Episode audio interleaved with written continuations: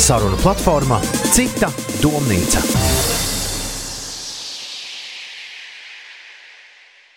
Čau, piecēlē klausītāji! Mans vārds ir Karmen Stepanova, un tu klausies rādījumu cita domnīca.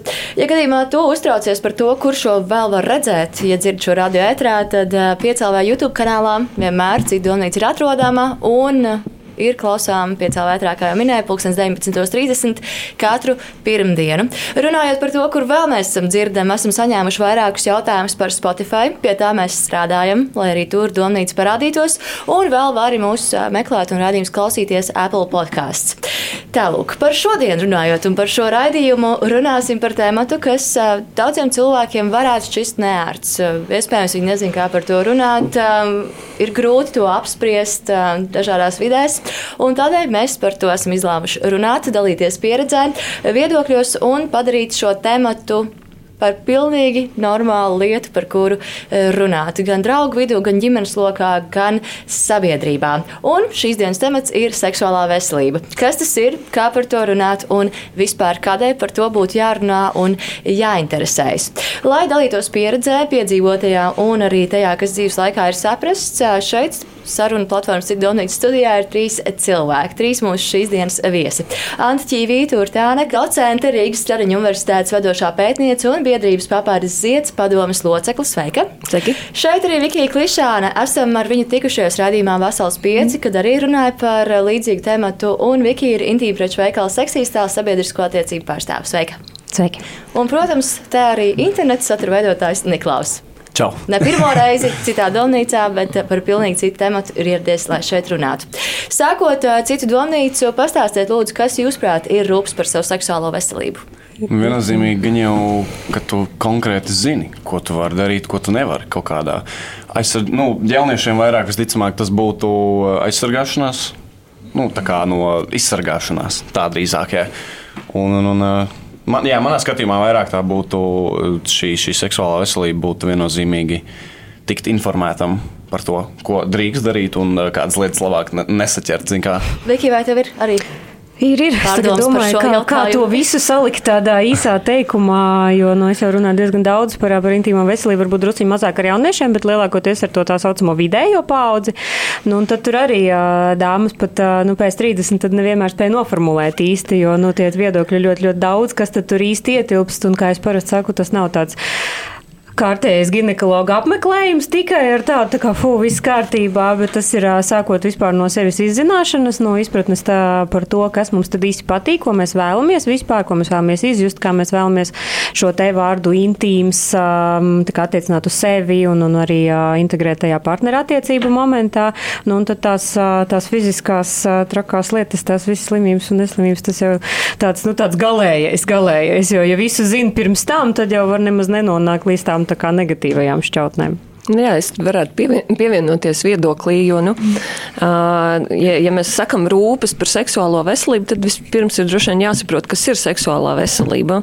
Un, ja mēs paskatāmies, nu, kā piemēram to definē Pasaules veselības organizācija, nu, teiksim, mums veselības lauciņu pārstāvjiem, Pasaules veselības organizācija tā ir tāda starptautiska, nu, mēs varētu teikt, guru, jā, kur strādā ekspertu komandas dažādos lauciņos un, un apkopo jaunāko, kas ir zinātniski pieejams pierādītākais. Ja? Tā tālāk droši vien pie tā mēs nonāksim raidījuma laikā, bet uh, seksuālā veselība jau nav tikai seks. Tāpat kā seksualitāte jau nav tikai seks. Tas ietver sevi, kā tu, uz, jā, kā tu sevi uztver, uh, jā, sava, sava ķermeņa mīlēšana vai nemīlēšana, kā tu uztver savu ķermeni emocionāli. Jā, kas, kas tevi tā skaitā bez šaubām. Tas ir stāsts arī jā, par partnerattiecībām, kādi partneri kāda cilvēka tev piesaista. Uh, jā, par izskatu, par emocijām, da, da, da, un tad tas nonāk arī, protams, līdz, līdz seksam, līdz dzimuma aktam un ar to saistītajām lietām, tā skaitā slimības un tā tālāk. Tā kā, nu, tas jau ir ļoti plašs. Nu, un tad, ja rūpes par seksuālo veselību, nu, tad ar, tas ir viss sākot ar pašapziņas veidošanu, paštēlu veidošanu, sevis pieņemšana, pašapziņa, nu, un tad tālāk, un tad, tad psiholoģiskā šī komponente, tad fiziskā komponente tur ir personīgā higiēna, um, dzimuma attiecības, seksuālās uh, visas infekcijas. Ja? Nu, un tad ir sociālā puse, jo veselībai vispār ir veselības definīcijai trīs daļas. Ir psiholoģiskā daļa, psihiskā labklājība, fiziskā labklājība, un tad ir sociālā. Un sociālā nu, tas būtu mūsu attiecības ar pārējiem, kas man piesaista, nepiesaista, kā sabiedrība skatās uz šiem jautājumiem, vai tiek stigmatizēti, nestigmatizēti cilvēki, jā, STI, cilvēki ar citādu seksuālu orientāciju, jā, un tā tālāk vispār šie jautājumi kā tādi. Nu, tā tie trīs bloki tā kā, nu, ļoti plaši. Tā bija definīcija. Tas, tas bija spēcīgs ieteikums. Runājot par sabiedrību, nereti izskan viedoklis no, nu, būsim godīgi, vecāku gadgājumu cilvēkiem, ka jo vairāk mēs runāsim par seksu un seksuālām attiecībām un visu, kas ir saistīts ar vārdu seks, jo vairāk jaunieši gribēs vienkārši mesties un nodarboties ar seksu neapdomīgi. Vai tiešām tā ir un kā varbūt var kliedēt šo? Jo, skan diezgan savādi. Ja bērnam pastāsta, kas ir kas, uzreiz uzskata, ka viņš metīsies neapdomīgi kaut kur iekšā, kaut kādos sakaros un kaut ko saķers, un tad mm. vēl paliks stāvoklī neplānot un vēl tam līdzīgi. Jā. Es nezinu, varbūt kolēģi grib kaut ko izteikt. Jā, tieši interesanti, ja, ja cilvēki tā vispār domā, jo tas ir diezgan neloģiski, manuprāt, ļoti neracionāli domā, domāšana. Jo, padomā, Ja tu, jo vairāk tu par to zini, jo vairāk tu zini, ko vajadzētu, ko nevajadzētu, kādos lauciņos braukt un kādos lauciņos labāk nebraukt iekšā.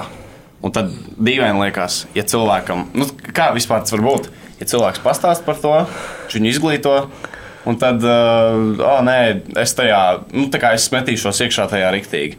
Nu, nē, piemēram, es iedomājos, ja man pastāstītu kaut ko vecāki, vai, vai es nezinu, tur brālis, māsa vai radinieki kaut kādi, vai, vai draugi, uh, es ņemtu vērā to nevis. Nu, Tagad testēt savu ādu. Vai tā tiešām ir un vai tā ir mm. patiesība? Mm.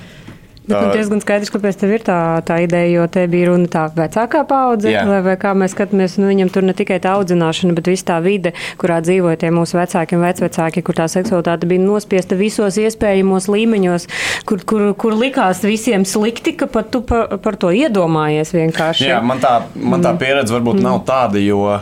Es varētu, es varētu teikt, man vairāk ir, diemžēl, nācies uz savādu pašam iztestēt mm. daudzas lietas. Jo, visefektīvāk tas ir. uh, nu, visefektīvāk, bet ne visieteicamāk.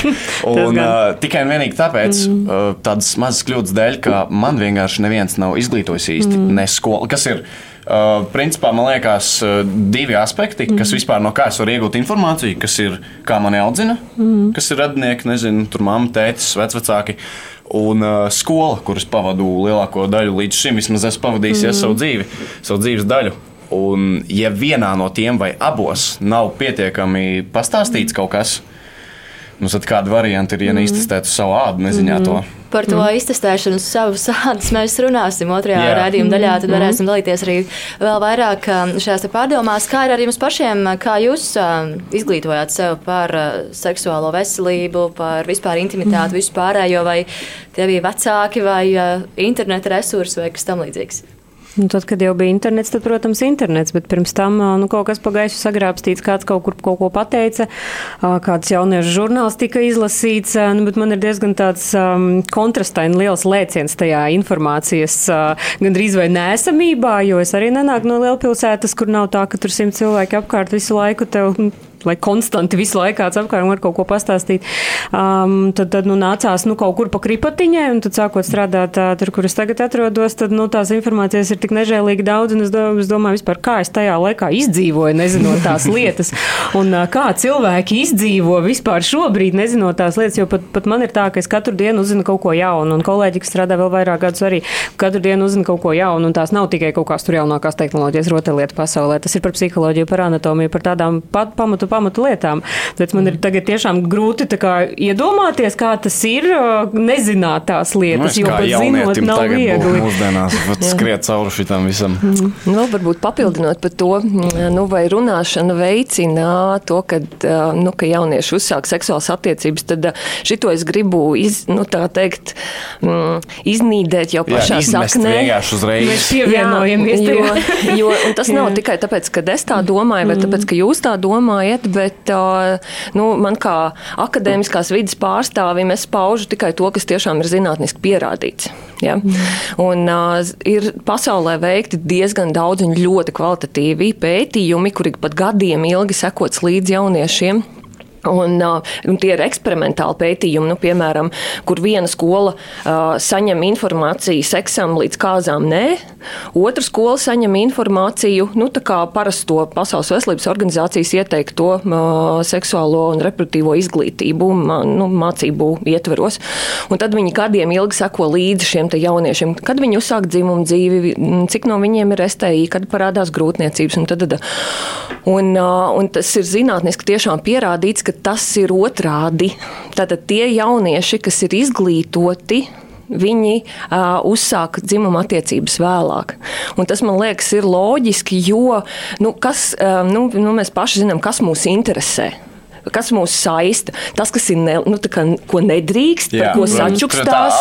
Ja marihuāna ir nelegāla, jā, tad, mm. tad visiem viņi interesē, un oh, kā mēs dabūsim, un kur mēs, tad, un kur mēs to darīsim. Un, tad, tad, jā, jo, teiksim, nu, Amsterdamā, kur, nu, ja mēs par marihuānu runājam un velkam paralēlis, jā, kur, kur šī marihuāna izklaides nolūkiem ir legāla, es esmu tiešām paskatījusies, vai Nīderlandē ir augstāki lietošanas rādītāji salīdzinot ar citām Eiropas Eiropas valstīm nav. Ja? Un tur, ir tā, tur ir tas paradoks. Un līdzīgi ir par seksuālo un reproduktīvo izglītību. Ja par to uh, dzird tāpat kā, es nezinu, par dzirdi, par sirds veselību, par uh, onkoloģiskām slimībām, un no tā neiztaisa nekādu, mm. ai, ai, kas tā par tēmu. Ja? ja par to runā kā par jebkuru veselības sastāvdaļu, tas jau vairs nav tik baigi interesanti. Mm. Un tieši otrādi, un es teiksim, runāju par dziedu kolēģiem, kas šobrīd arī brauc uz skolām un runā ar jauniešiem, viņi arī saka to pašu. Tad, kad jaunieši ir noklausījušies, nobežījušies par to, kā var palikt stāvoklī. Un izrādās, stāvoklī var palikt simtus tūkstošu veidos. Arī tad, ja stāv kājās, to darot. Un, tad, tad, un, jā, tie cilvēki stereotipi, ko es esmu lasījis. Par to mēs droši vien vēl runāsim. Un, un par visām STI un par visādi nu, psiholoģiski, kā tas ir, ja tur šķirās pēc tam mm. pāris un tā. Viņi, pēc, viņi, viņi to arī pasaka, ja ir šī tik daudz problēmu ar to seksu. Mm man to nevajag. Es, labāk, es varu pagaidīt, man ir labākas lietas, ko darīt. Varbūt, zin, jā. Bet ir cilvēki, jā, nu, es, teiksim, nu, noslēdzot savu monologu, jā, um, es uh, esmu strādājis arī cietuma veselības projektos, un uh, man viens no cietuma priekšniekiem, nu, cietumos arī mums nav īsti pieejama ne prezervatīva un tā. Un tad, eh, tad, kad es gāju runāt nu, par šīm tā nu, saucamām kaitējuma mazināšanas programmām, ka varbūt cietumos arī vajag ieviest bezmaksas prezervatīvus un tā, un tad viņš, saka, viņš man saka, bet jūs taču pati zinat, ja jūs sēžat pie televizora un jums priekšā ir konfekts trauks, tad jūs ēdīsiet tās konfekts. Bet, ja jums nav tās konfekts priekšā, nu, tad jūs viņus neēdīsiet. Nu, līdzīgi ar prezervatīviem. Prezervatīvi būs cietumā, cietumā būs seks. Ja nebūs prezervatīvi, seks nebūs. Nu, mēs zinām, ka īsti tādu vienlīdzības zīmes tā nu, īsti nevar. nestrādā. Tas īsti tā nestrādā, jā, bet, bet ir cilvēki, jā, kuriem ir tas viedoklis. Bet zinātniski pētījumi patiešām rāda, nē, izglītot jauniešu uzsāks dzimumu dzīvi vēlāk, un viņi ir drošāka. Šīs nelabvēlīgās pieredzes ir mazāk. Punkts.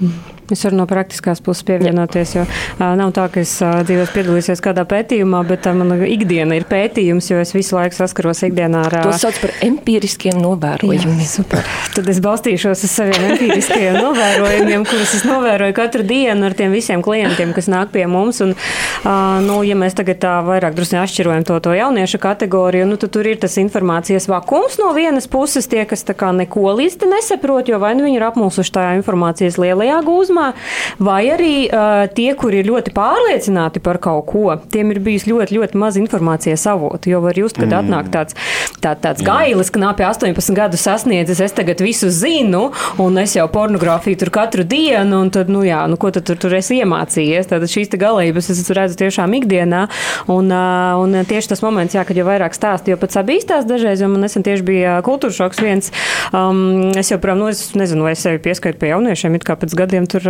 visi visādi varianti. Bet, um, bet man nu, tā tāds tā, nu, jaunieši, jaunieši tā tikko 18 gadus sasnieguši tas, kas skaitās visiem kā jaunieši. Un, un, uh, un es, protams, jau stāstu par visām tām seksualitātes lietām, katru baudīt, katru, katru tās mantiņas izmantot, nu, par visu kaut ko drusciņu arī par anatomiju, bet nu, arī tādas advancētākas lietas, kas, nu, kurām sauc advancētākas lietas. Bet, tad, kad viņi nāca pie manis nākošais un viņi bija sagatavojuši anonīmos jautājumus, tad tajos anonīmajos jautājumos uh, bija lielākoties neizpratne un, uh, nu, un vēlme uzzināt, uh,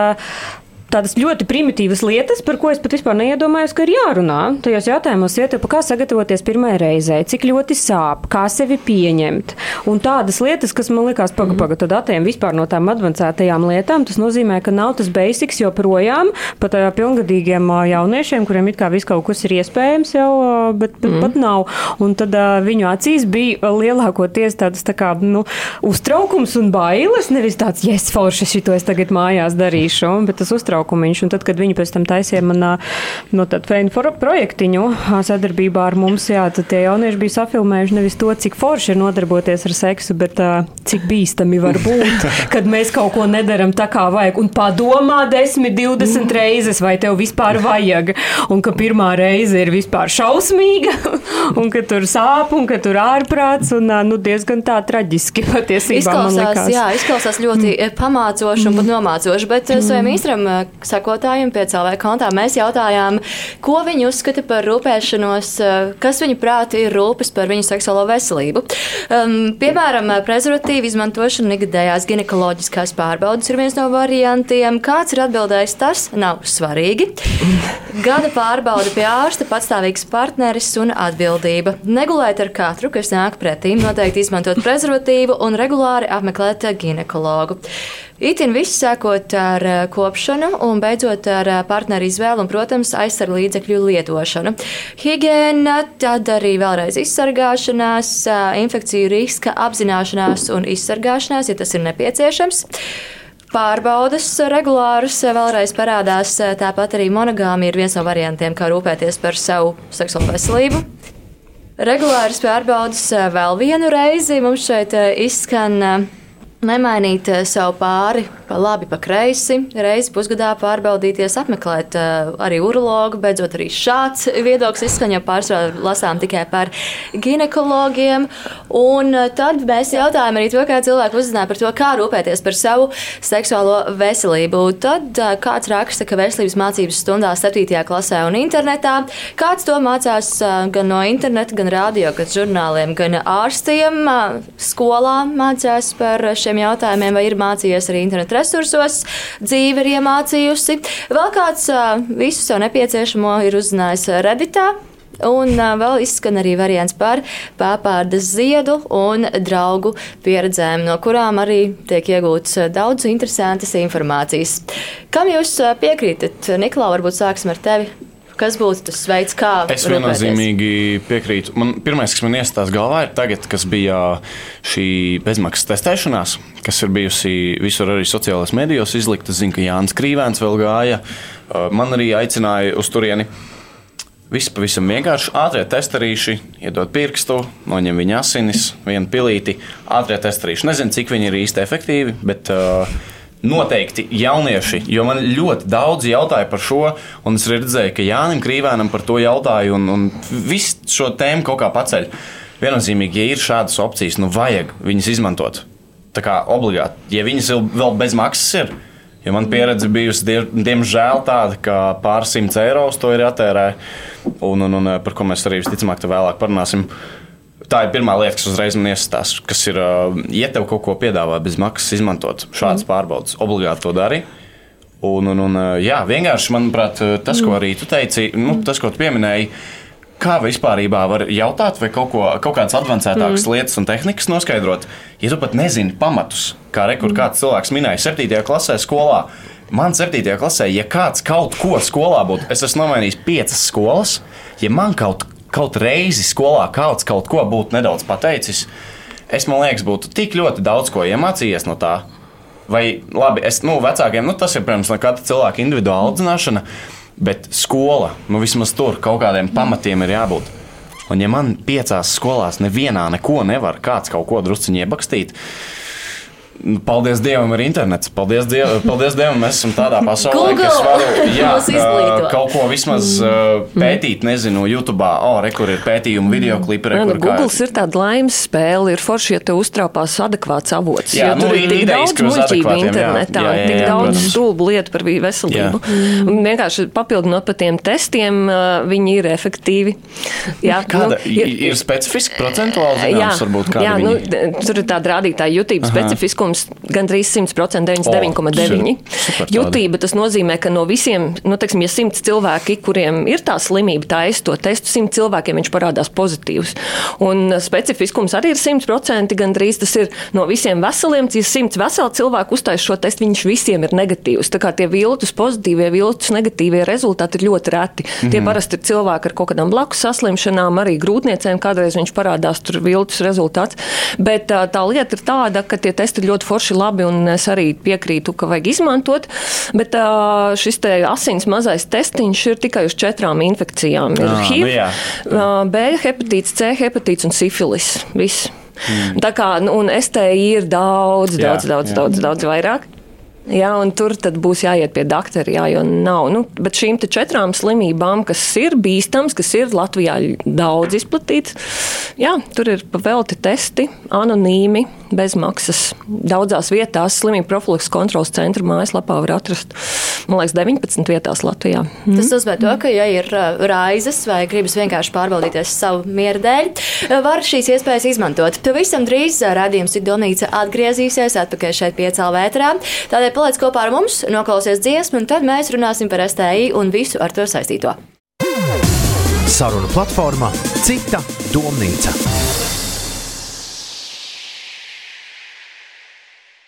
Radījumā cita domnīca šajā reizē mēs runājam par seksuālo veselību. Kā mācīties, kā sevi informēt un kā gal galā sev pasargāt un būt izglītotam par to, kā dzīvot un kā nesaķert dažādas slimības un kā neiekulties problēmās.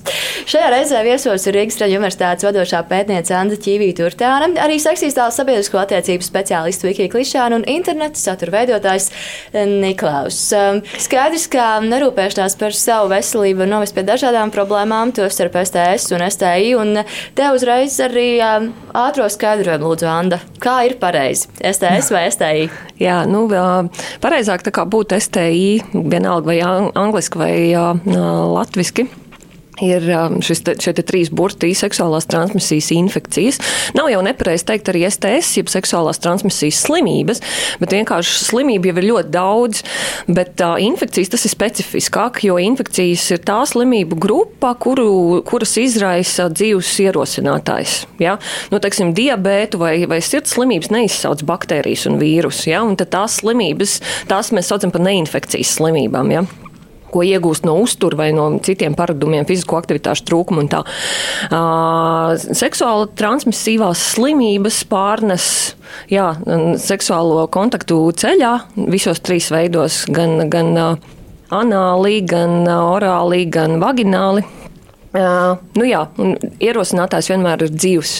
Vai nu baktērija, vai vīrus, vai sēnīšu infekcijas. Jā. Tāpēc nu, tā infekcijas specifiskāk.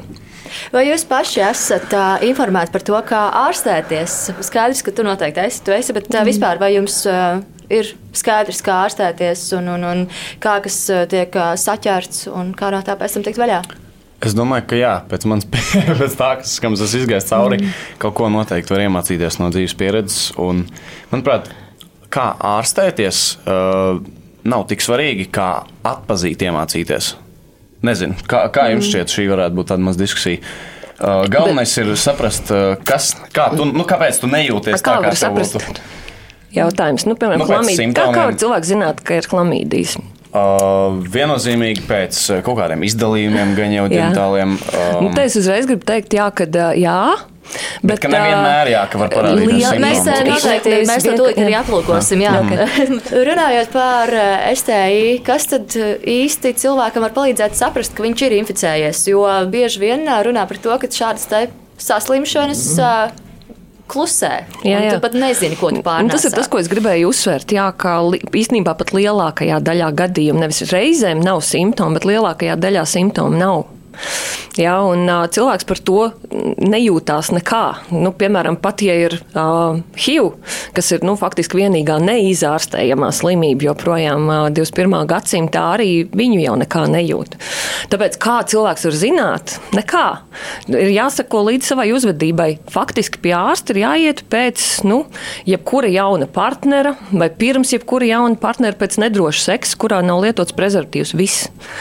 Jā, nu, tad, tad jā, pie, pie jebkuras riskantas uzvedības. Šis piemērs man ļoti patīk, jo arī sociālajos tīklos šeit šonadēļ izskanēja viedoklis vai pagājušajā nedēļā par to, ka ja partneris nav gatavs sākot ar tevi tikties, doties pie ārsta un pārbaudīties, vai tu tiešām gribi ar šādu cilvēku tikties. Jā. Pilnīgi noteikti pievienojos. Jā. Niklā, kāda ir tava pieredze, vai tu izjūti problēmas un, un, un kaut simptomus? Uh, jā, tad uh, acīm redzot, laikam man tādā veidā paveicās, ka es tiešām pamanīju un uh, atpazinu. Un es par to biju jau kaut kur internetā lasījis par tādām lietām no viskaut kādiem avotiem. Un, uh, man bija ļoti specifiski simptomi, tas, ka man bija uh, izdalījumi dentāli. Un, un, un, uh, jā, man bija tas parādījās principā jau divas dienas pēc, uh, tas bija festivālā, protams, un, un, un tas parādījās jau divas dienas vēlāk. Tā kā uzreiz pirmā lieta man galvā ienāca, ok, kaut kas nav rīktīgi. Man vajadzētu obligāti aiziet pārbaudīties. Tā kā es diezgan operatīvi, ļoti laicīgi reaģēju. Nākamnedēļ uzreiz jau biju pie ārsta. Un pats labākais ārsts visu pārbauda, visu izdara. Viņš saka, nē, tur nav, tur nekā varētu nebūt. Nu, mēs tāpat uztaisīsim to analīzi. Varbūt kaut kāda urīna, nu, kaut kāda infekcija, kaut kas tāds. Es tāds, mm, nu, labi, ok, tu esi ārsts, tu saki, es daru um, atnāk pēc uh, dažām dienām, cik tur tie analīžu rezultāti. Viņš tāds, ah, ui, sorry, Niklāvi, jā, izrādās, uh, tomēr mums te ir ķibele. Es nevaru atcerēties, vai tā bija uh, klamīdija vai go, uh, gonori, kā saucās uh, latviski. Es jā, vai mēs varam uzskaitīt gonorrhea, arī. Es nezinu, kā latviski. Nē, es tagad neņemšos uzskaitīt visas daudzās infekcijas, jo viņu tiešām ir ļoti daudz. Nu, tas galvenais varbūt ir, nu, ka viņas iedalās divās daļās. Ir vīrusu ierosinātas uh, infekcijas un ir baktērija ierosinātas. Nu, divi dažādi ierosinātāji. Piemēram, piemēram, vīrusu infekcijas ir HIV, vīrusu hepatīts B, C, baktērija izraisīts ir sifilis, gonoreja un visas tās pārējās. Tur viņu ir ļoti daudz. Tur ir trihomoniāze, anaģenitālās herpes, nu, tas ir vīrusu infekcija. Jā, tur ir viņu ļoti, ļoti daudz. Ja? Tā lieta ir tāda, ka, nu, ja par statistiku mēs runājam, tad viņas visas neuzskaita jā, bet ir, ir tās, ko uzskaita obligāti, teiksim, HIV, hepatīti, uh, sifilis, gonoreja, šie herpes gadījumi, jā, teiksim, šie, šie ir tie, ko ārsti ziņo un reģistrē, bet ir virkni infekcija, kur pat, nu, tā kā neziņo. Jā, jā no šīm, šīm divām, vai gonoreja tā bija, vai klamīdijas, nevar īsti atcerēties.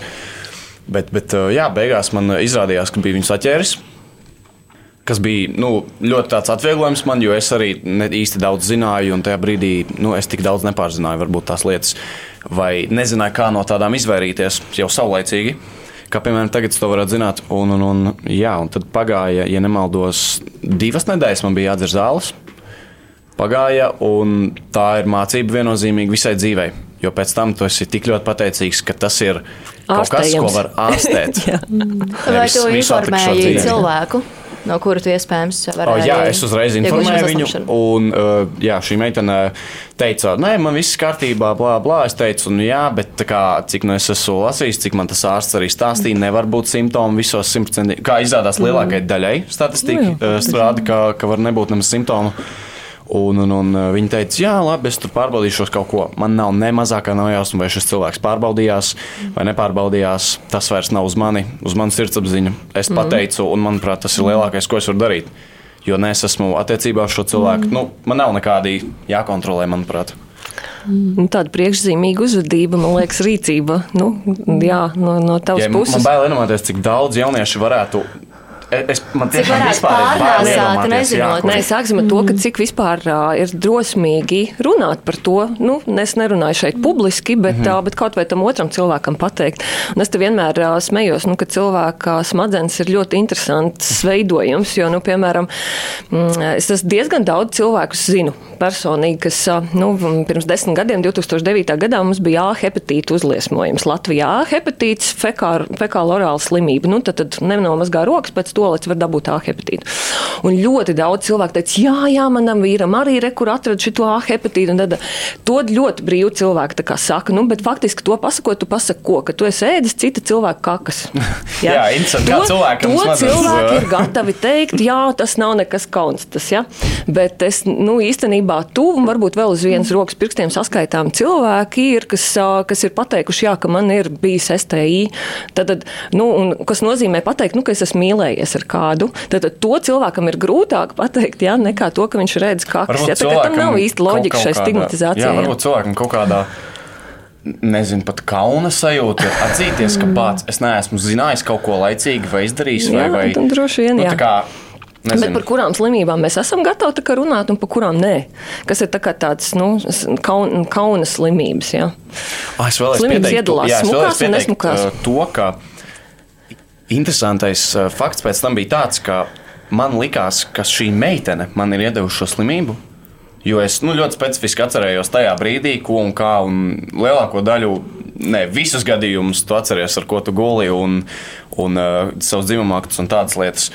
Un man bija interesanti tas, ka viņai, kā, viņa, nu, neko mierīgi dzīvo, viss kārtībā, atbrauc uz festivālu, un divas dienas vēlāk man ir slimība. Un es domāju, es neesmu ar nevienu gulējis šajās divās dienās pēc festivāla. Kā tas var tā? Nu, nu, nu, kāda sakritība, ja dzīvē, nu, reāli, tāda reāli. Un, un, un es viņai par to pasaku. Es jau, protams, neapvainošu viņu, neteikšu, ej, man šķiet, eh, ka tev tur arī tas un tas. Nē, es vienkārši pateicu, ej, man šāda situācija, nā, nā, nā, nā. Nezinu, varbūt tev arī jāpārbaudās, ir, vai kaut kas jāizdara lietas labā. Tā arī es neesmu to meiteni runājis. Bet jā, ļoti interesanti, kā viņai viss var likties ok.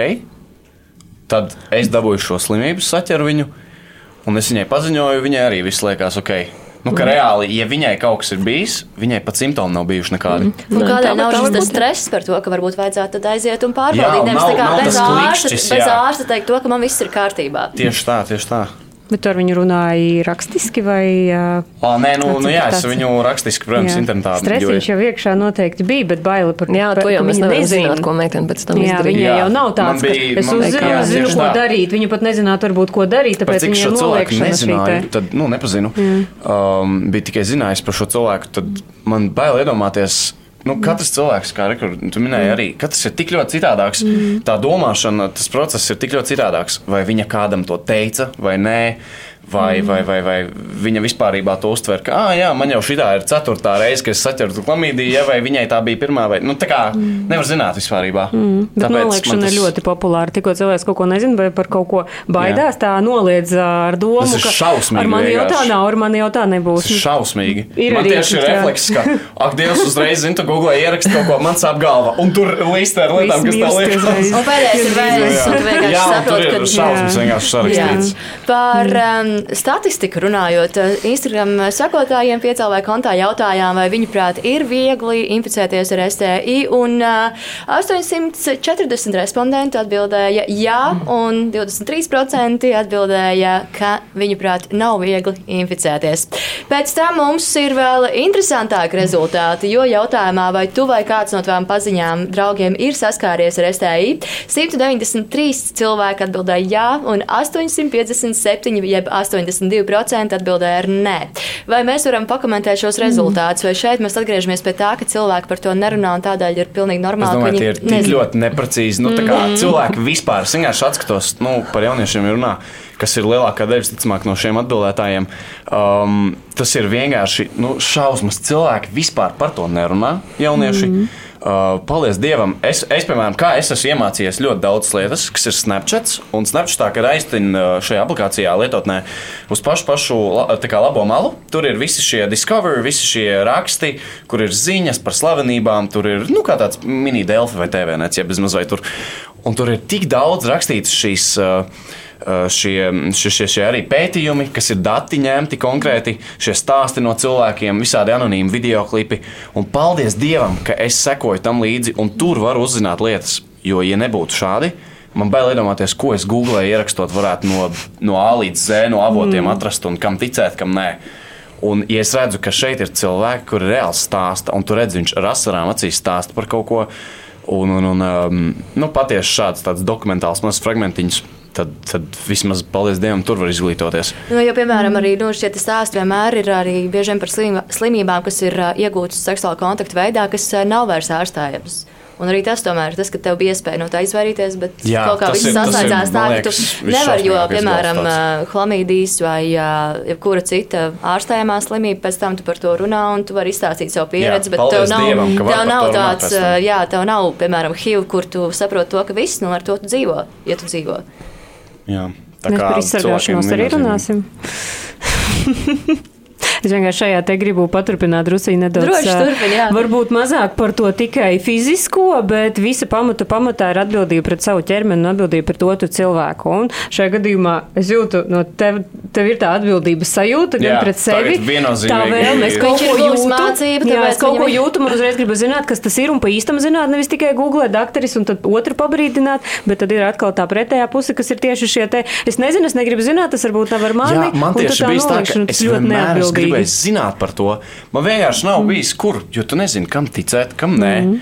Uh, ja tavā ģimenē vēl par to nerunā, milzīga stigma kaut kāda, vai tev ir kaut Mhm. kādi pašam stereotipi, ja tu nezini, kur vērsties pēc palīdzības, šausmu lietas man Mhm. bail iedomāties. Ir, ir, ir traki. Es dažreiz Jā, tā smaidu arī par tiem cilvēkiem, kad es runāju, bet, ā, nu, runājot ar lielākām auditorijām, es mēdzu uzdot jautājumus. Arī, principā, to pašu, kas mēs tajā redzējuma sākumā bija. Kā jums liekas, kas ir tā intīmā veselība? Un tad tur pārsvarā tiešām tie cilvēki saka, ka tas ir vienkārši iet pie ginekologa un, un, un, un viss. Bet tad, kad es sāku runāt ā, par tādām lietām kā tā um, cieņa pret sevi un ā, tā, tā seksualitāte, arī vienkārši būt apmierinātam ar savu seksuālo dzīvi. Tas arī cilvēkiem liekas, tās, nu, vai tas piederās pie veselības. Tas nav kaut kāds fizisks Jā, tas faktors. tā, ai, jā, jā. jā, Ko, iemetos ko jau, tas nu, nozīmē? Nu, nevienmēr taču seks ir patīkams. Nu, kaut, kāpēc vispār seks nodarboties, ja viņš nav patīkams? jā, bet, bet cilvēkiem liekas, nu, ka, ka tas ir kaut kāda aktivitāte, nu, tāpat tās kā es. Nevienmēr ēdiens ir garšīgs. jā. Nu, okay. Jā, Par šo jā, jā, nu, par- šo un ā, seksu pozitīvu, ā, seksu pozitīvu domāšanu mēs arī trešajā daļā runāsim. Jo mums ir jāsaprot, kā mēs varam par to runāt, lai tas ā, nu, nesātu mums tādā diezgan savādā lomā, kur mēs baidāmies Tas ir atbildēt vai runāt. Jā, vai, kur mēs baidāmies vienkārši teikt to, kā mēs ā, gribam, nevis pieņemt to, ko mums tā kā jādod ēst. Vārds bauda jau arī citiem ir neķītrs. Bauda, Jā, tā, tad tā ir saistīta ar kaut kādu seksu, tad atkal foi, foi, foi, viss, kas zem jostas vietas, viss neaiztiekam. Intimitāte bauda seksu, tādi vārdi, kuriem tur nu, var trāpīt, ļoti, un var ļoti skaisti netrāpīt. vārdi, kas apraksta ļoti skaistas lietas, emocionāli un fiziski, bet tikko no tām baidās, tad arī viss tās problēmas, par ko mēs tikko runājam. Tagad mēs ielūkosimies infografikā par STS izplatību un uh, palūkosim, kas mums ir uh, zināms. Uh, Tātad uh, Latvijā visvairāk reģistrēta seksuāli transmisīva infekcija gadījumu 2018. gadā bija vecuma grupā no 18 līdz 29 gadiem. Tāpat uh, Latvijā tika reģistrēta 326 HIV inficēšanās gadījumu un 99 aids stadijas gadījumu. Vēl viens no faktiem ir tas, ka STI var radīt nopietnas reproduktīvās veselības sekas, ā, piemēram, neauglības, slimību pārnešanu no mātes uz bērnu un citas. Un pasaulē katru dienu ar seksuāli transmisīvām infekcijām inficējas vairāk nekā miljons cilvēku. Varbūt, Anna, tu vari pakomentēt to, kādēļ šiet, šī te visa, teiksim, tā apdraudētākā grupa ir 18, 29. Vai vispopulārākā? Nu, tas, nu, tas droši vien ir tāpēc, ka nu, tā, tas ir tas aktīvākais dzīves periods, man liekas, nu, visādā ziņā. Nu, kad cilvēki studē, nu, vārdu sakot, ir tā, ja mēs, nu, mums nav tādu jaunu, ļoti labu datu par iedz, Latvijas iedzīvotāju seksuālo un reproduktīvo veselību. Veselības ministrija šogad uzsāka šādu pētījumu, bet um, nu, jaunākais pētījums, kas ir, ir 11. gada, un saskaņā ar šo pētījumu, tad, ja cilvēkiem uzdod jautājumu, cik gados tev bija pirmās dzimuma attiecības, tad uh, vidēji tie ir uh, 17 gadi. Nu, redzēsim, ko šogad cilvēki atbildēs. Varēsim apdeitot šo informāciju. Nu, lūk, bet, ja mēs paskatāmies, cik gados tad ir pirmās laulības, Pirmās laulības ir nu, ap 30. Ja? Tad, tad no 17 līdz nu, 27, 30 gadiem tas ir tas partneru meklēšanas laiks, ja? nu, kur kā tu meklē to savu īsto kopdzīves partneri, kur partneri tiek mainīti. Nu, nu, jā, nu tā, ir, tā ir partneru mainīšanas laiks, tāpēc arī tas atspoguļojās statistikā. Jā, nu, kā STI, jo, jo vairāk partneru, jo lielāks risks inficēties. Tas arī ir zinātniski pierādīts. Jā. Par izsargāšanos tad mēs uzreiz arī varam likt iekšā. Nu, piemēram, cilvēks lieto prezervatīvu, un tāpat vienmēr tiek apgalvots, tas, ka tas nepasargās tev simtprocentīgi no inficēšanās. Jā, bet nu, gandrīz simtprocentīgi. Nē, nu, ir, nu, faktiski ir divas drošas metodes. Vai nu nedarīt to vispār, kas nav reāli, jo mēs zinām vēsturiski, nu, tad, tad seksuālas attiecības jauniešiem vienmēr ir bijušas. Viņas ir tagad, un viņas vienmēr būs. Tā ir realitāte, ar ko ir jārēķinās.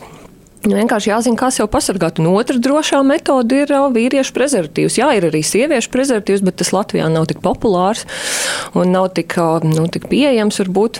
Jā, bet prezervatīvi ir ļoti droši. Nu, tas procents ir ļoti, ļoti augsts. Ja, ar nosacījumu, protams, ja viņš tiek lietots pareizi. Ja? Es labprāt pakomentētu to pareizi. Jā. Jo, ņemot vērā, ka es tomēr esmu saskarā ar tiem visiem produktiem, tad, nu, nu te nu var stundām ilgi runāt, ko nozīmē pareizi un nepareizi lietot prezervatīvu. Kaut vai no tām mūsu katram ir bijuši kaut kāda pieredze, ka kaut kas nav patīkami prezervatīva sakarā, un tad, nu, vai nu izmērs nav tās, vai nu nepatīk kāds aromāts, vai nu kaut ko saberzē, vai nu noplīst, un lielākajā daļā gadījumu tas ir dēļ kaut kāda vai nepareizi izvēlēta produkta vai nepareizas lietošanas, jo visi prezervatīvi tiek testēti. Vai vai viņi ir no lētākās kategorijas, vai viņi kaut kādi tur super fancy un tam līdzīgi. Viņiem visiem tāpatās jāiziet cauri standartiem, un tad ir tie kvalitatīvākie, protams, kas būs patīkamāki, nejūtamāki, principā, ja prezervatīvi mazāk jūt, jo viņš ir foršāks. Un būtu jāizglītojas arī šajā ziņā par to, kādas ir iespējas izsargāties. Mm -hmm. Jo, ja mēs paskatāmies tā vispārīgi, pasakām vārdu prezervatīvs, cilvēkam lielākoties ir kaut kāda asociācija, pirmā kaut kāds gumijas kaut kas, ko ir grūti uzlikt, kas traucē vispār noskaņojumam, un tad vēl rada kaut kādas nepatīkamas sajūtas un mūs tā kā atdala nu, no tā otra partnera. Tie ir vispopulārākie stereotipi, un tad, tad nu, jāsaķer galvu un jāsaka, un tad tu nekad neesi mēģinājis, piemēram, plānus prezervatīvus, varbūt nekad nav cilvēks atradis īsto izmēriņu un tam līdzīgi. Par, par šo var, nu, te ir varianti. Nav tā, ka tas prezervatīvs ir viens paredzēts uz visiem cilvēkiem vienā izmērā un, un vienos jā, jā, jā. veidos. Un, um, kā saka, tādas atrunas arī ir uh, pilnīgi jāmet pie malas. Ja, ja, piemēram, meitene dzird tādu frāzi, no puiša man nepatīk prezervatīvi, jo viņi spiež. Nu, ļoti forši tāds paveicies ar puisi, kam ir tāds, nu, nu tā teikt, virs, virs, virs vidējā. Nē, es, es tā aizdomājos. es tā aizdomājos. Vai es pareizi saprotu, ja meitene saka, ka viņai spiež, un viņa vaino prezervatīvu pie šī? Mm. Nē, ka meitenē čalis saka, kad, kad viņam spiež vai viņam rīvē vai vēl kaut ko.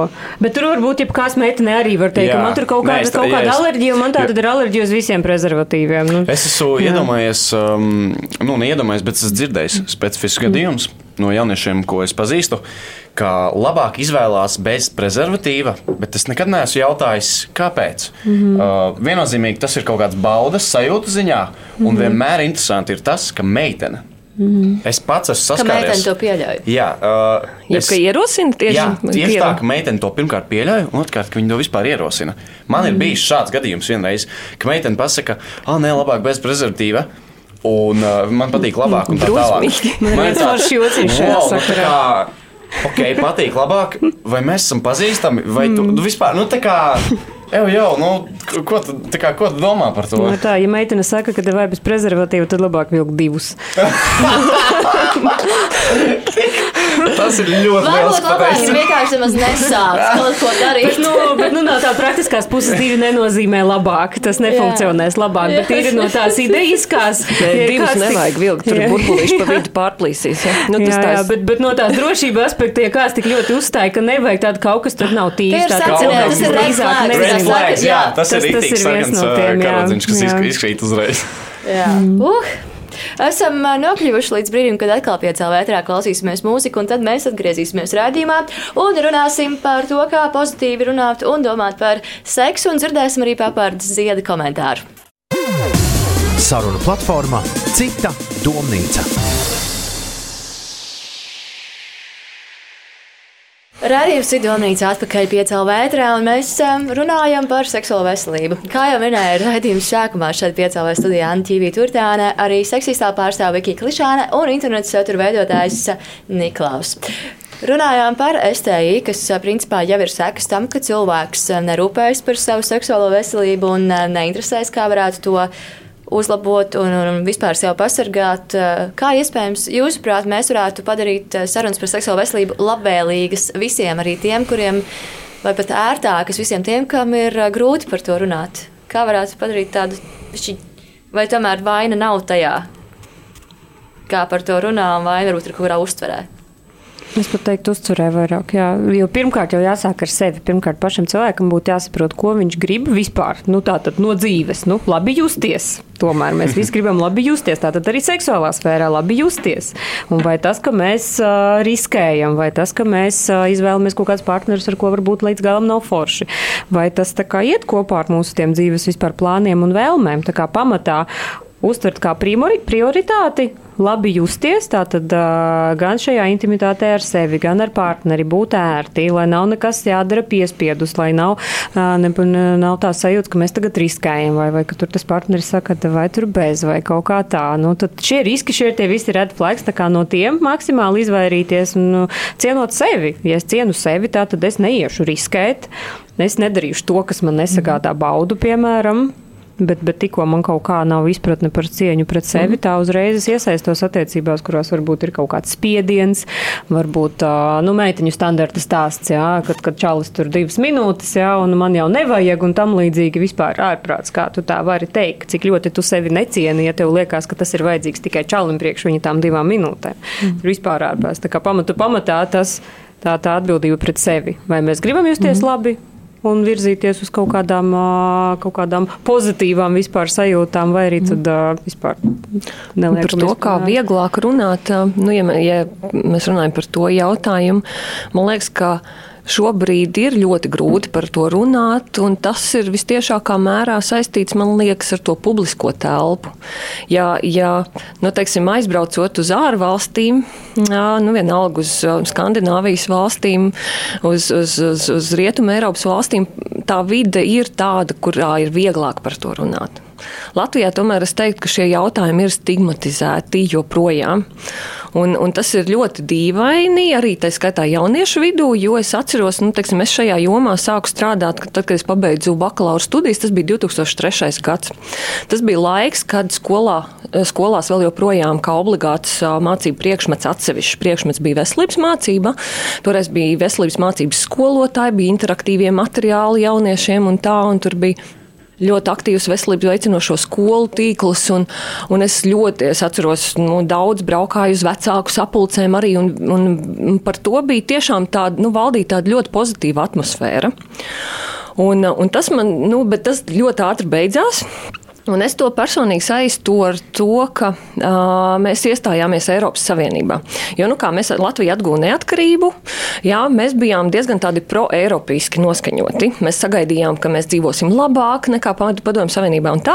Un tad mēs iestājāmies Eiropas Savienībā, un nu, nebija tā, ka cilvēki visi pēkšņi sāka dzīvot ļoti labi, jā, un tā tālāk, un cilvēki kaut kādā ziņā vīlās tajā Eiropas Savienībā. Un tagad mums ir atkal otrais posms, ka mēs vairāk skatāmies, o, tur rietumi un un, un, un, un Rietuma Eiropa un Skandināvija tur ir tās sapūšās likumiskās vērtības, jau un austrumi.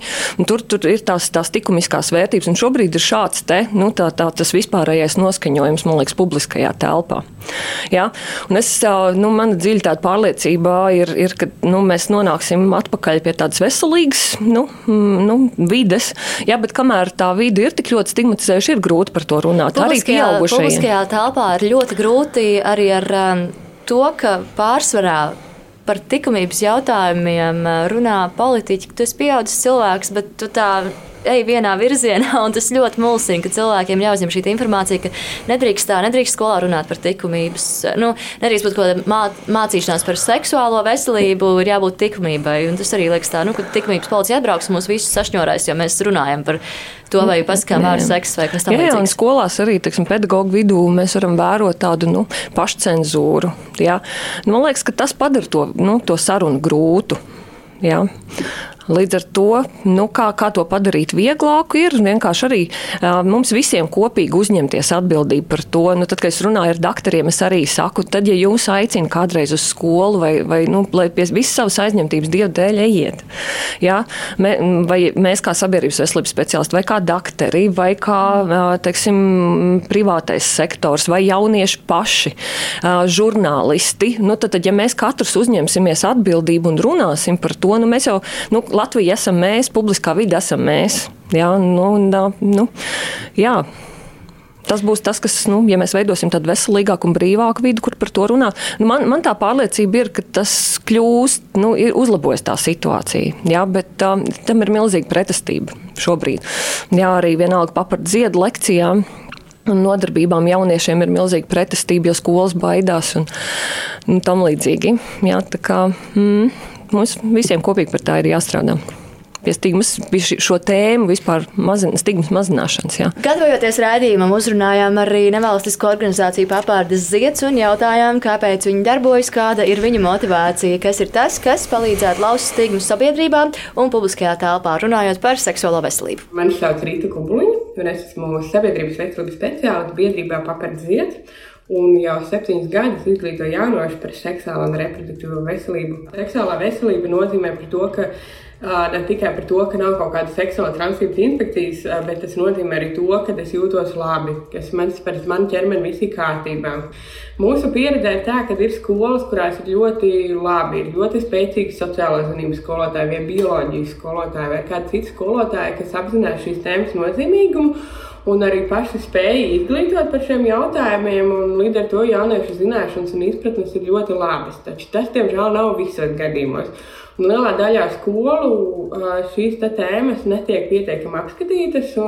Bieži vien tāpēc, ka skolotāji paši nejūtās īsti labi vai ērti, vai viņu zināšanas nav pietiekamas, lai pārnātu šīs tēmas. Un, ņemot vērā arī 2015. gadā pieņemtos tā saucamo likumības grozījumus, tad daudz skolotāji arī bieži izvairās par šīm tēmām runāt vispār. Um, dažreiz tās ir vienkārši arī bailes no, no vecākiem, jo ļoti liela loma tajā, kā tiek izglītot jaunieši par šo tēmu, ir arī vecākiem. Un, ja kādam no vecākiem šķiet, ka varbūt šī nav tā lieta, kas būtu jāpārnā ar viņu bērnu skolā, tad attiecīgi tas ir kaut kas, kas atsaucās arī uz nu, visu klasi. Un tieši tās metodas, kuras izmanto papildus, tās ir neformālās izglītības metodas. Dodot viņiem pašiem vārdu, dodot viņiem pašiem iespēju izteikties, kā arī radot brīvu, neformālu, nepiespiestu atmosfēru. Uh, Tas ir arī tas veids, kā mēs strādājam ar jauniešiem, lai nodrošinātu kaut kādu kvalitatīvu seksualitātes izglītību. Un tas ir arī saskaņā ar Pasaules veselības uh, vadlīnijām par to, kad, uh, nu, kādai būtu jābūt šai seksualitātes izglītībai. Uh, un jāpiemina, ka dažreiz liekas, ka uh, izglītība par seksu nozīmē izglītību par pozām vai tur nu, mācu uzreiz tikai kā vilkt prezervatīvus un kaut ko tādu. Tā nebūtu nav. Un katram vecumam atbilstoši šī lieta, šī izglītība. Un pašus pirmos pamatus noteikti jau liek vecāki mājās. Teiksim, klasisks jautājums ir, kad, kad maz, mazais pirmo reizi vecākam pajautā, kā es rados, vai no kurienes es esmu, vai no kurienes nāca mans mazais brālītis vai māsiņa, vai kāpēc tā tante ir tik liels vēders. Un, un, nu, kā, un kad tu jau viņam pirmo reizi nu, izstāsti par to, no kurienes vispār rodās, kā rodās bērni, un tas, protams, nenozīmē, ka bērni, ka mēs uzreiz stāstām visas sīkās detaļās, un trūkumu, un spermatozīts un apaugļošanās, un tā, bet skaidro viņam vecumam saprotamā līmenī. Savukārt, ja runa ir tieši vairāk par seksuālām attiecībām, tad um, nu, tā varētu būt arī tā lieta, par kuru vecāki varbūt arī nejūtās labi, vai dažās situācijās pat vecākiem nevajadzētu par to runāt, jo vecāki tomēr ir vecāki, arī viņi ir jāciena. Un, un tā. un tad ja tā varētu būt skola, kas attiecīgi izglīto par to, un kas pasaka, nu, ziniet, kā, bez prezervatīva šīs lietas nevar notikt. Un, ja jūs neesat gatavi, tad vienkārši nedariet to. Un esiet pārliecināti par to, kam tad īsti, nu, kurā brīdī jūs to vispār esat gatavi un spējīgi un pietiekami atbildīgi, lai to sāktu darīt. Un līdz ar to, tajā brīdī, kad tiek uzsāktas kādas attiecības vai seksuālās attiecības, tad kaut kādas lietas par kaut kādām lietām interesēs tikai pēc tam, jau, kad tas ir noticis. Savukārt, piemēram, zināšanām par kontracepciju vai zināšanām par to, ka nu, prezervatīvs ir jālieto un kā viņu pareizi lietot, tam noteikti ir jābūt pirms vispār pirmo reizi ir dzimumaks. Uh, tāpēc tam jābūt tādai kā proaktīvai izglītošanai, nevis pēc tam kaut kādai. Un šī informācija, kas ir pieejama internetā, tad nav uzticama. Un, ja, piemēram, 12-gadīgs bērns gribētu kaut ko uzzināt par seksu, un viņš tā kā vecākam to negribētu prasīt, ja viņš telefonā ierakstīs seksu, tad tie, kas izlaiks ārā, noteikti nebūs tie saiti, kas ir paredzēti 12-gadīgiem jauniešiem. Bet, pilnīgi citām vecuma grupām. Kā, mums ir bijusi piemēram pieredze, kad strādājot ar jauniešiem, viņiem varbūt ir viens priekšstats par to, kā tur īstenībā notiek seks. Viņi ir redzējuši to filmās vai seriālos, un viņiem ir kaut kāds viens priekšstats par to, kā notiek. Savukārt, kad mēs viņiem runājam un izstāstam šīs lietas, un, un ir tā un šī tā, un ir iespēja inficēties, tad mums Latvijā ir visvairāk inficēšanās gadījumi ar HIV um, uz tūkstošu iedzīvotājiem. Iespējas inficēties Latvijā ar HIV ir augstākas nekā citvietā Eiropā. Tas ir kā Eiropas līmenī. Un visvieglākais veids, kā pasargāt sevi no inficēšanās ar HIV, ir dzimuma laikā lietot preteratīvu. Kaut kas ļoti vienkāršs un ļoti elementārs, ko, diemžēl, daudz cilvēku nav novērtējuši. Tāpēc arī mēs esam tādā situācijā, kā mēs esam. Uh, un līdz ar to, kā, jā, tajā brīdī, kad mēs jauniešiem pārnājām šīs lietas par to, kā izsargāties, jo arī jūs, ka viņi beigās aizdomājas, viņu priekšstats par to, kas tad īsti ir seksuāls attiecības, mainās. Un, un kad viņi ir iespējams attiecīgi arī atliks kaut kādu dzimumu dzīves uzsākšanu, jo saprot, ka tas nav tāds vienkārši čika briki, baigi jautri, uh, bet tas ir kaut kas diezgan nopietnas un būtisks, kas, uh, nu, par ko vajadzētu attiekties mazliet nopietnāk nekā varbūt tas ir iespējas radies pirms tam protams, nenozīmē, ka mēs galīgi mēģinām nograzīt par to, ka viss ir slikti. Uh, taču nu, būtu mazliet atbildīgi kā šo šīs seksuālā attiecību dažādus tēlus aspektus. Lielas paldies Ritai Kubliņai no Papārdas zied par komentāru. Veidojot raidījumu, mēģinājām sazināties arī ar Grūtniecības krīzes centru, kas um, publiskajā telpā ir parādījies un pārstāv pretējus viedokļus par seksuālu izglītošanu, taču, diemžēl, neizdevās ar viņiem vienoties par tikšanos un interviju. Katrā ziņā sveicienu Grūtniecības krīzes centram. Un tagad parunāsim vairāk par to, kas ir sekspozitīva domāšana. Tātad, uh, iepazīstoties ar infografiku, skaidrs, ka sekspozitīva ir ideja un kustība, kas atbalsta tolerantu, atklātu un progresīvu attieksmi pret seksu, seksualitāti un tās veicināšanu, kā arī seksuālu daudzveidību, dažādas attiecību struktūras un individu seksuālās vēlmes, kur pamatā ir abu pušu piekrišana. Kā jūs vērtējat eh, seksu pozitīvu eh, domāšanu un kustību? Liekas, druskuļi paradoxāli, ka šo te sauc par kustību. Kaut gan tai vajadzētu būt vienkārši normai, Jā, kā tādai. Zin, jo kustības parasti ir kaut kas, kas ir kaut kādai grupai, cilvēku limitētai, viņu interešu lokā, piemēram, bet šis ir tik interesanti, ka tas nozīmē, ka visā pasaulē viss ir sliktāk, un tad šī ir vienīgā tā kustība, tie, kas ir tajā kustībā, ka tie tie vienīgie tie, kas tā, tā kā pozitīvi domā. Jā, nu, varbūt mans pats novēlējums būtu vēl, vēl redījumam nebeidzoties, lai to cilvēku sāktu uztvert kā normu, nevis kā atsevišķu kustību. Jums ir vēl 20 Tas... minūtes. Okay. Man šķiet, vēl divas minūtes, lai uh, mainītu savu viedokli par uh, seksuālo veselību.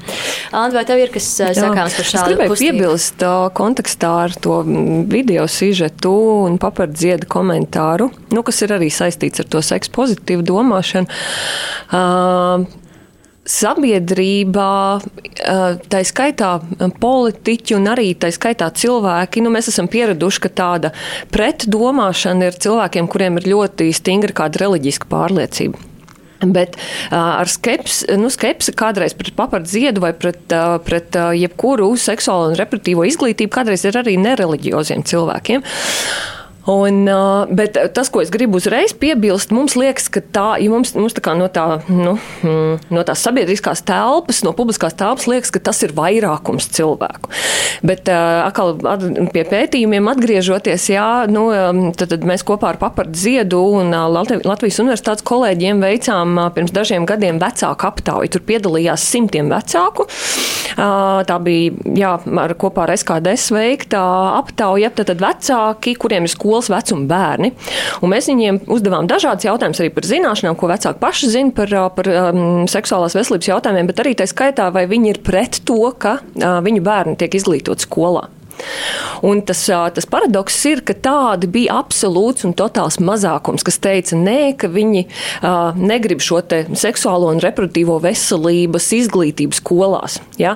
Mums, uh, bet tajā publiskajā telpā izskan, ka cilvēku lielais vairums ir pret. Ja? Tā, tā, tā, tā, tas fakts ir tāds, un to es parasti saku, kad es runāju ar skolotājiem, ka es viņus iedrošinu, jo to vecāku, kas ir pret, ir absolūts mazākums, tikai viņi ir skaļāki.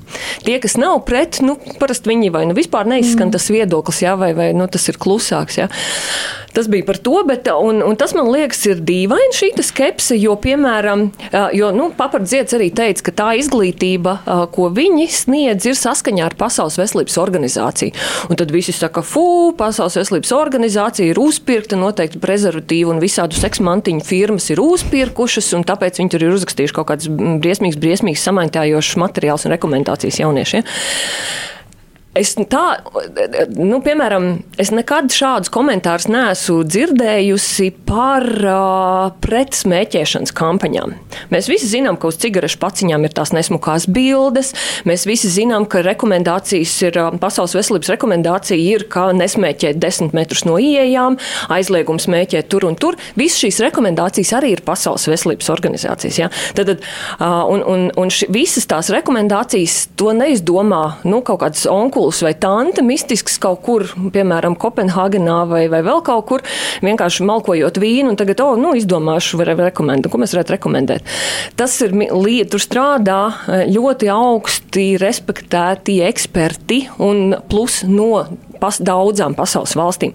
Arī tā skaitā no Latvijas, arī, piemēram, es pati piedalos ekspertu grupās. Ja? Un, uh, un zinātniekam nav lielāka kauna, kā rekomendēt kaut ko, kas nav zinātniski pierādīts. Tā tās rekomendācijas ļoti, ļoti nopietni rodās. Ja? Un tad man vienmēr liekas tas paradoxālais, lūk, PVO rekomendē tur alkoholam celt akcijas nodokli, ja, jo tas uh, nu, mazina patēriņu. Uh, PVO rekomendē šīs bildes vai, vai šo un to attiecībā uz smēķēšanu. Un tik tālu piekrīt pilnīgi visi reliģiozi, nereliģiozi cilvēki. Visi tās ir labās. Bet tā ekspertu grupa, kas strādā PVO ar šiem seksualitātes jautājumiem, tie lūk ir kaut kādi jefiņi. Ja? Un to rekomendācijām mēs nedrīkstam uzticēties. Ja? Tad, nu, kur, bet tur arī ir tikpat nopietni kā par smēķēšanu izsvērts visi pētījumi. Ja? Tur ir noticis tieši tas pats. Ja? Nekad neviens re, no eksperts nerekomendēs kaut ko, kas ir kaitīgs jauniešiem. Ja? Un man jā, un ir, ir tas jautājums par uh, smadzenēm kā, kā īpatnēju orgānu, ja? ka vienai un tai pašai organizācijai mēs kaut kur uzticamies pilnīgi simtprocentīgi, un kaut kāds ir viens bloks, kur mēs sakam, nē, nē, nē, nē tā ir nepilnīgi neusticama organizācija. Ja? Nu, tas ir interesanti. Jā. Atgriežoties pie mums kā sabiedrības, kā jūs redzat situāciju šobrīd? Vai ir tā, ka daudz seksuālo partneru vai daudz seksu joprojām ir tāds, jē, tikai vīriešiem, un sievietes mm. joprojām ir tās, kurām nevajadzētu vispār būt seksam, un tad nedrīkst vispār par to runāt, un ir slikti, ja meitenei ir vairāk mm. partneri bijuši un tam līdzīgi. Kā jūs redzat situāciju šobrīd? Es domāju, ka nu, tik cik mēs varam redzēt jauniešiem, principā. Uh, kas ir forši tas, ka mainās. Vismaz nu, man, cik man ir 20 gadi, tūlīt paliek, un es skatos savus jauniešus, līdzcilvēkus un meitenes it īpaši.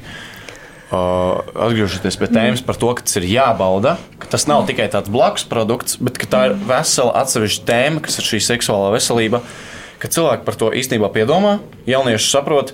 Un, ā, nu, vienmēr būs tas, tā, tas stereotips, tas standarts, ah, čalim tikai vai kaut kur nogrūsties, jau un, un meitene nāk līdzi un par pārējo pofīgi, ja bezmaz vai. Bet uh, man apkārt, vismaz meitenes, ko es zinu un pazīstu, vairāk piedomā, kā viņas to grib izbaudīt, uh, ko viņas pašas no tā grib iegūt, ko viņas noteikti negrib no tā iegūt. Un, un, un šādas lietas. Manā skatījumā kaut kas noteikti mainās. Ļoti labi, ka šajā jaunajā paudzē lietas mainās. Jo tad, kad es saskaros ar to paudzi ap 30, kur ir, lietas nemainās? um, nu, ap 30 tas tā it kā ar ko salīdzina. Ja, bet, uh, tad, kad um, nu, vadot, piemēram, kaut kādas šīs semināriņas un lekcijas, ja, tad man tā, tā novērojama statistika ir tāda, nu, tā kā pajautājā, nu, ka, kā, kā jums ir tā vidēja apmierinātība ar savu seksuālo dzīvi. Nu, kaut kādos simbolos pasakat, vai vismaz ar vienu vārdu, vai labi vai slikti. Nu, divas tā no desmit iedomājamies, divas sievietes tādas, jā, super forši, jā, tur ar orgasmu asociējās visu, un jā, tu tur vismaz piecas nodru galvu, lai vispār nevajadzētu runāt. Un ir dažām, kurām vēl tā seja tā kā nomainās, pilnīgi, kad saprot, ka tur vispār nekā laba nav.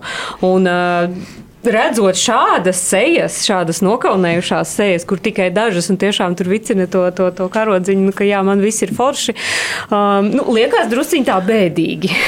Bet kā cilvēkiem izveidojās šādi viedokļi? Ne jau tad, kad viņiem ir šie 30, visticamāk, mm. kaut kad, kad viņi ir mm-hmm. uh, auguši, visticamāk, kas ir mans vecums, ap 20 mm. kaut kas. Varbūt arī ģimenē vēl jā, kaut, kad, vēl, ja ģimene. ko tāds kaut kas labs ir. Mm. Nē, nu, tā, nu kā, kas mūs veido kā personības, veido jau ļoti daudzi. Nu, viens ir nu, tas, kāda mēs ģenētiski esam, un tā, bet, bet to jau veido, jā, viss, ko, jū, nu, mm, ko jūs jau nosaucat. Vecāki, skola, draugi, tā skaitā masu mēdīji, popkultūra, kino, mūzika, klipi, jā.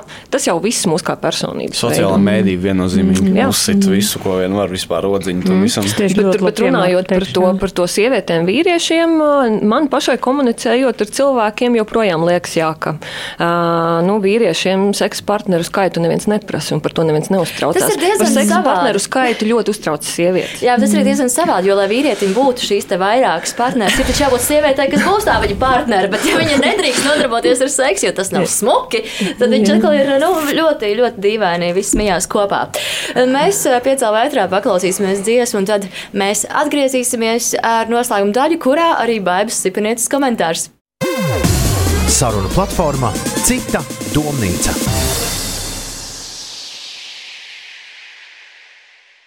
Radījums ir domnīca ir atpakaļ un esam nokļuvuši tādā kā noslēguma fāzē, lai kārtīgi tai sagatavotos, uh, ieklausīsimies, kas par seksuālo veselību un seksualitāti ir sakāms baibai Sipaniecei. Man ir divas meitas. Uh, un es, um, tad, kad viņas auga, um, piefiksēju, ka viņām ļoti interesē uh, nu, šī tēma.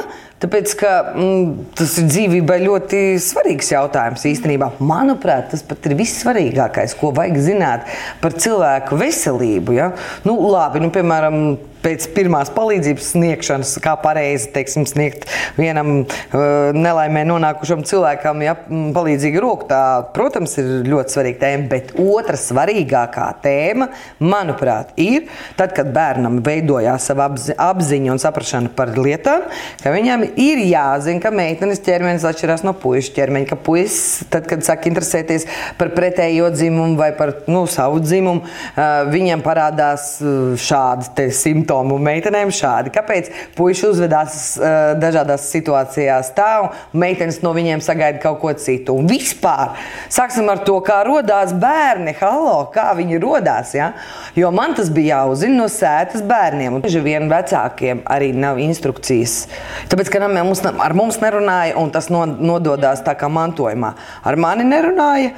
Un es nemāku runāt ar saviem bērniem, tāpēc ka es baidos, ka es ar savu informāciju un savu pasniegšanas manieri to situāciju neveiklo padarīšu vēl neveiklāku un samulsināšu ne tikai sevi, bet arī to bērnu. Un, un nav neviena, kas apmāca. Svarīgi būt bērniem uzzināt tieši no vecākiem patiesību tad būtu tas uzticības līmenis augstāks, un tad būtu arī tā drošības sajūta savādāk.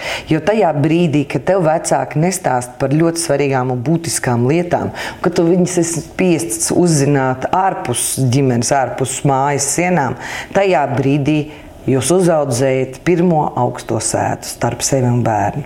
Meitenei ir jābūt ļoti labi informētai par to, uh, kā darbojas viņas ķermenis, par to, mm, kad viņa var palikt stāvoklī kad viņi var palikt nevēlamā grūtniecības stāvoklī. Tātad, ja, kā izvairīties no, no HIV un AIDS, kā, kā izvairīties no seksuāli transmisīvām slimībām.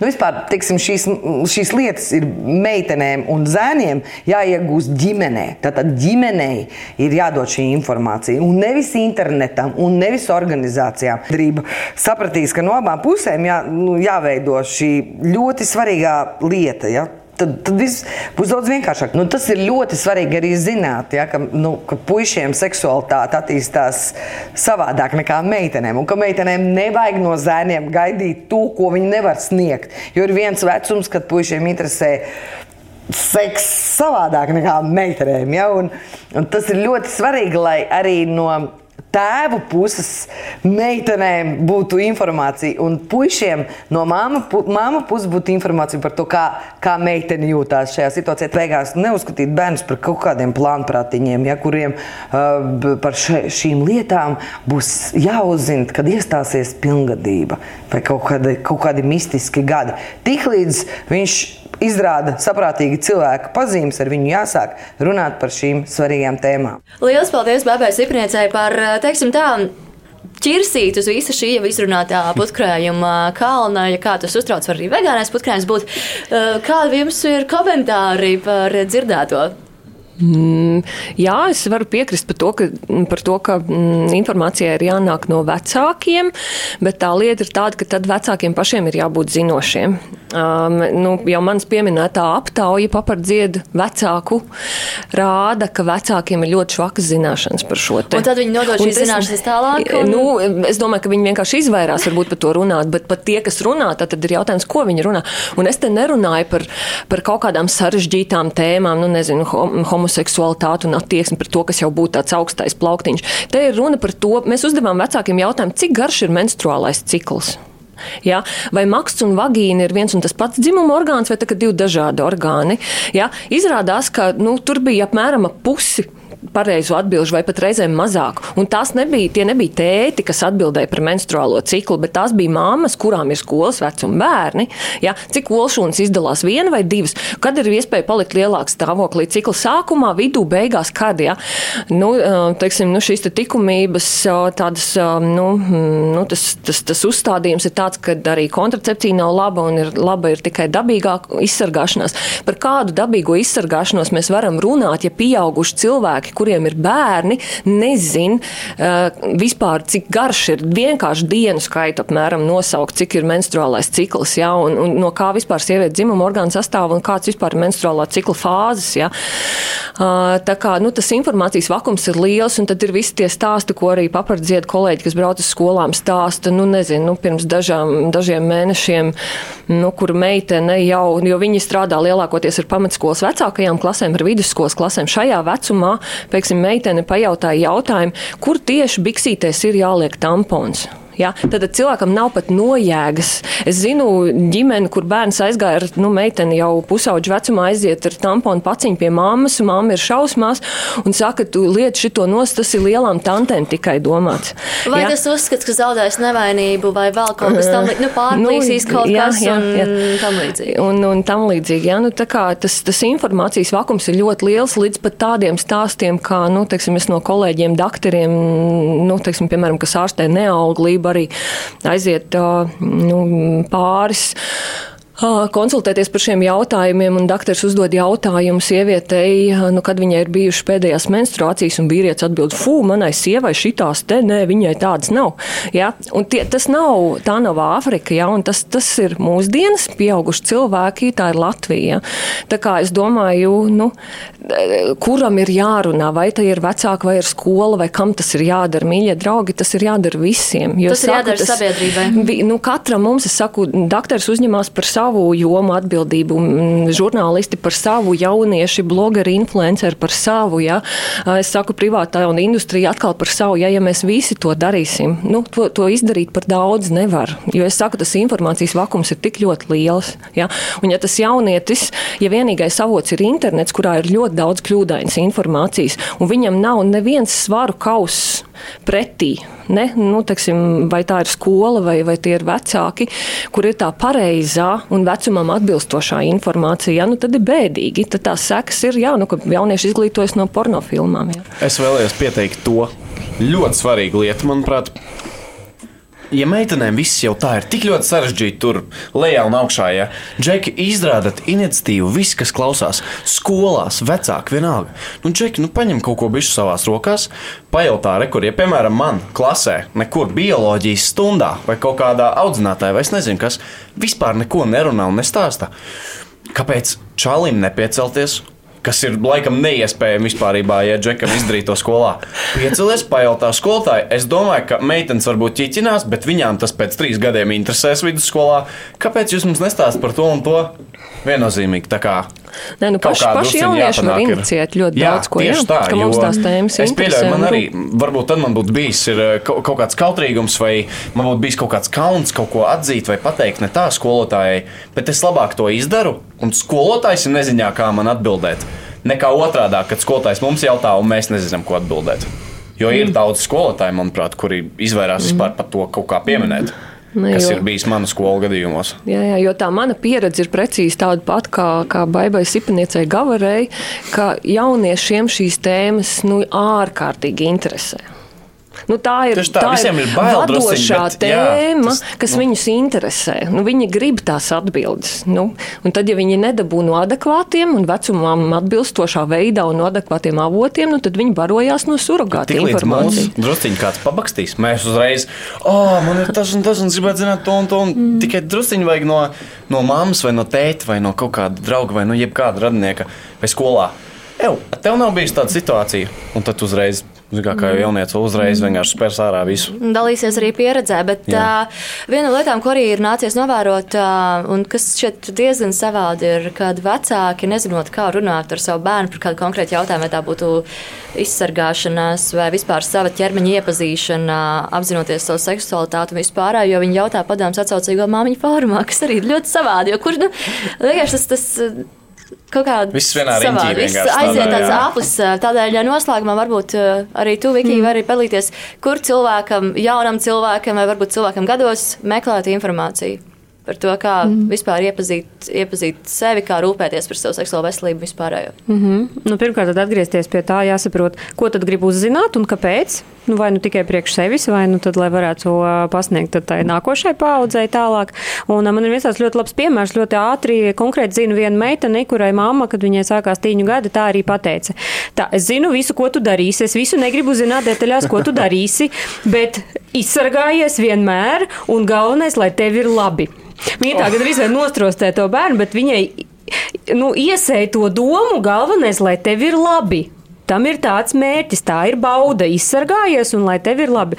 Un šī meitene sen jau pilngadīga, un viņa šobrīd tiešām viņa eksperimentē, viņa, viņa izzina sevi, viņa var detalizēti pateikt, viņai pir, pirms vēl jebkādu kaut vai tur pat kaut kādu rotaļlietu lietošanas, viņa zina visus savus iekšējos orgānus, viņa zina, zina, kas ir dzemdes kakliņš, kā viņš izskatās, kur viņš atrodas, kā viņš jūtās, kā tur gļotādiņa un tā tālāk. Katrā mēnesī tur savādāk izdalījumi, savādāk viss, viss izskatās, jūtās un tam līdzīgi. Un cilvēks zina, jo viņam bija ielikta šī iedrošinošā un tā kā uzsvars uz galveno. Galvenais ir, lai, te, lai tev ir patīkami. Un šim cilvēkam tā, tā prioritārā domāšana arī tālāk iet. Protams, tad, kad viņai ir paša interese par sevi, tad arī partneri ir forši. Viņi var pateikt, kas viņai tur kā tur ir, jā, ka, kāpēc varbūt kaut kas nav patīkamāk, kāpēc varbūt patīkamāk vēlētos.